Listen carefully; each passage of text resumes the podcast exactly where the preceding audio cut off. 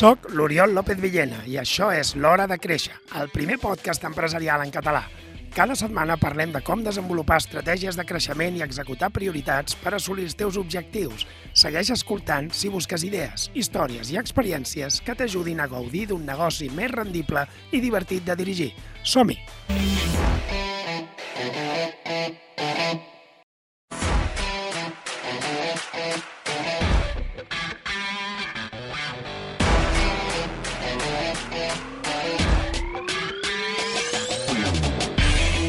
Parlem d'economia empresarial amb l'Oriol López. Oriol, molt bon dia. Bon dia. Ell és l'autor del llibre Creix i Prospera i nosaltres volem créixer i prosperar a nivell empresarial i a vegades també fem uns paral·lelismes que són fàcils de portar a la vida personal una sí, mica, no? perquè no, no és tan diferent al final. No. Créixer no és només una qüestió de volum i de diners, sinó que és una qüestió de millora. Exacte. I la millora és igual personal que empresarial. I a més avui ens mourem en uns terrenys molt psicològics, no, aparentment, perquè parlarem de la zona de confort i de com sortir si és que cal sortir.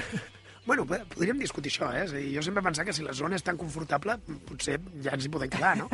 per tant, jo eh, sempre penso que és una zona de confort, agafant confort des del costat negatiu, que és el confort aquest que t'acomoda, d'acord? I que t'acomoda i... T'estanca, potser, no? T'estanca, deixes de, deixes de créixer ni que sigui intel·lectualment, o sigui, deixes de millorar, de pensar noves coses, d'innovar, i això és un perill, perquè acabes avorrint, d'acord? Avorrint-te i avorrint. Clar, per tant, altres. tenim clar que per uh, millorar Sí. hem de sortir de la zona de confort, però dius, ep, cuidado, Vigi. compte, perquè pot ser que fora de la zona de confort hi hagi perill. Sí, perquè tothom tendeix a dir, no, surt de la zona de confort, qualsevol cosa amb la que et sentis inconfortable Tira't, serà fantàstic. Tira, no? tira. Tira, tira. Però clar, tira't fins a cert punt, no? És a dir, jo jugo a tenis i, i si a mi em diguessin ara mateix comença a jugar com, com l'Alcaraz o, o com el Medvedev o qui sigui, eh, seria una bajanada. És a dir, jo no puc sortir a la pista i començar a fer deixades i pretendre que em surtin totes o, o intentar jugar a l'atac de, de qualsevol manera, d'acord? Perquè acabaria fallant molt i el fet de fallar, o sigui, aquest objectiu tan inassolible que m'hauria plantejat de dir, no, jo vull jugar com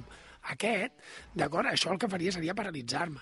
A l'empresa passa, eh? Quan et, et marques objectius massa, massa exagerats, pot passar que gastis massa. O sigui, que acabis invertint molts recursos per, per, abans d'aconseguir diners, no? Compro màquines i inverteixo en màrqueting i això, però és tan lluny el que has d'aconseguir que no ho aconseguiràs i això et frustra, i frustra molt. D'acord? Aquest pànic et paralitza. I a l'estar a la zona de pànic, que jo li diria, d'acord? Estar a zona de pànic és una zona de paràlisi vale? on no creixes, on no millores, on no, només tens por i res més, i frustració. Per tant, jo situaria la millora, tant empresarial com personal, entremig, en una zona que jo en diria zona d'aprenentatge. Zona d'aprenentatge, és a dir, és molt bo estar constantment aprenent. Sí, és una zona on realment pots aprendre una cosa nova, és a dir, jo potser no puc marcar-me l'objectiu de jugar com l'Alcaraz o de guanyar un Roland Garros, però sí que em puc marcar l'objectiu de, a partir d'ara, eh, guanyar un rival que fins ara el tenia molt a prop. No? Llavors això és un objectiu que puc arribar a assolir per tant, simplement estaré prou incòmode com per, com per patir, òbviament, i per ara al revés no em surt com em voldria, i el drive l'hem de millorar, i hem de golpejar així, i hem de córrer més, que sigui, però no serà una cosa que em frustri perquè veuré una millora i veuré que serveix d'alguna cosa.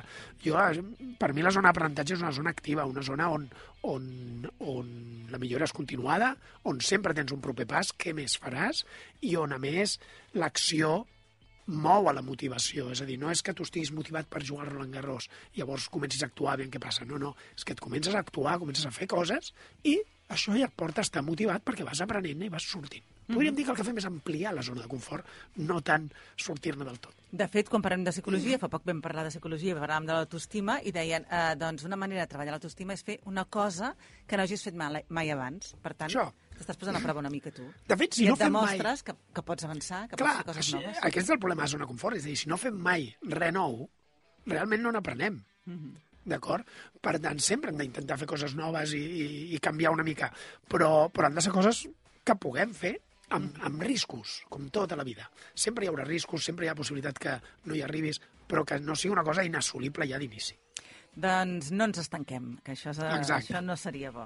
Doncs moltíssimes gràcies, com sempre, a Oriol, perquè aprenem coses, com dèiem, a nivell empresarial, però també que fan un paral·lelisme a nivell personal. Al final les empreses bé. són persones. Sí, Pues ja està. doncs sí, ens agrada pensar-ho així. Moltíssimes gràcies, Oriol. Que A vagi tu, molt Noemí. bé.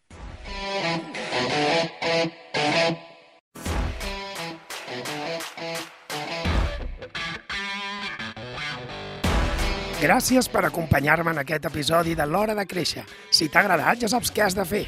Escriu una ressenya, comparteix-ho amb algú i uneix-te a la comunitat de les empreses proactives. Gràcies per escoltar-me i recorda, l'acció és qüestió de prioritats.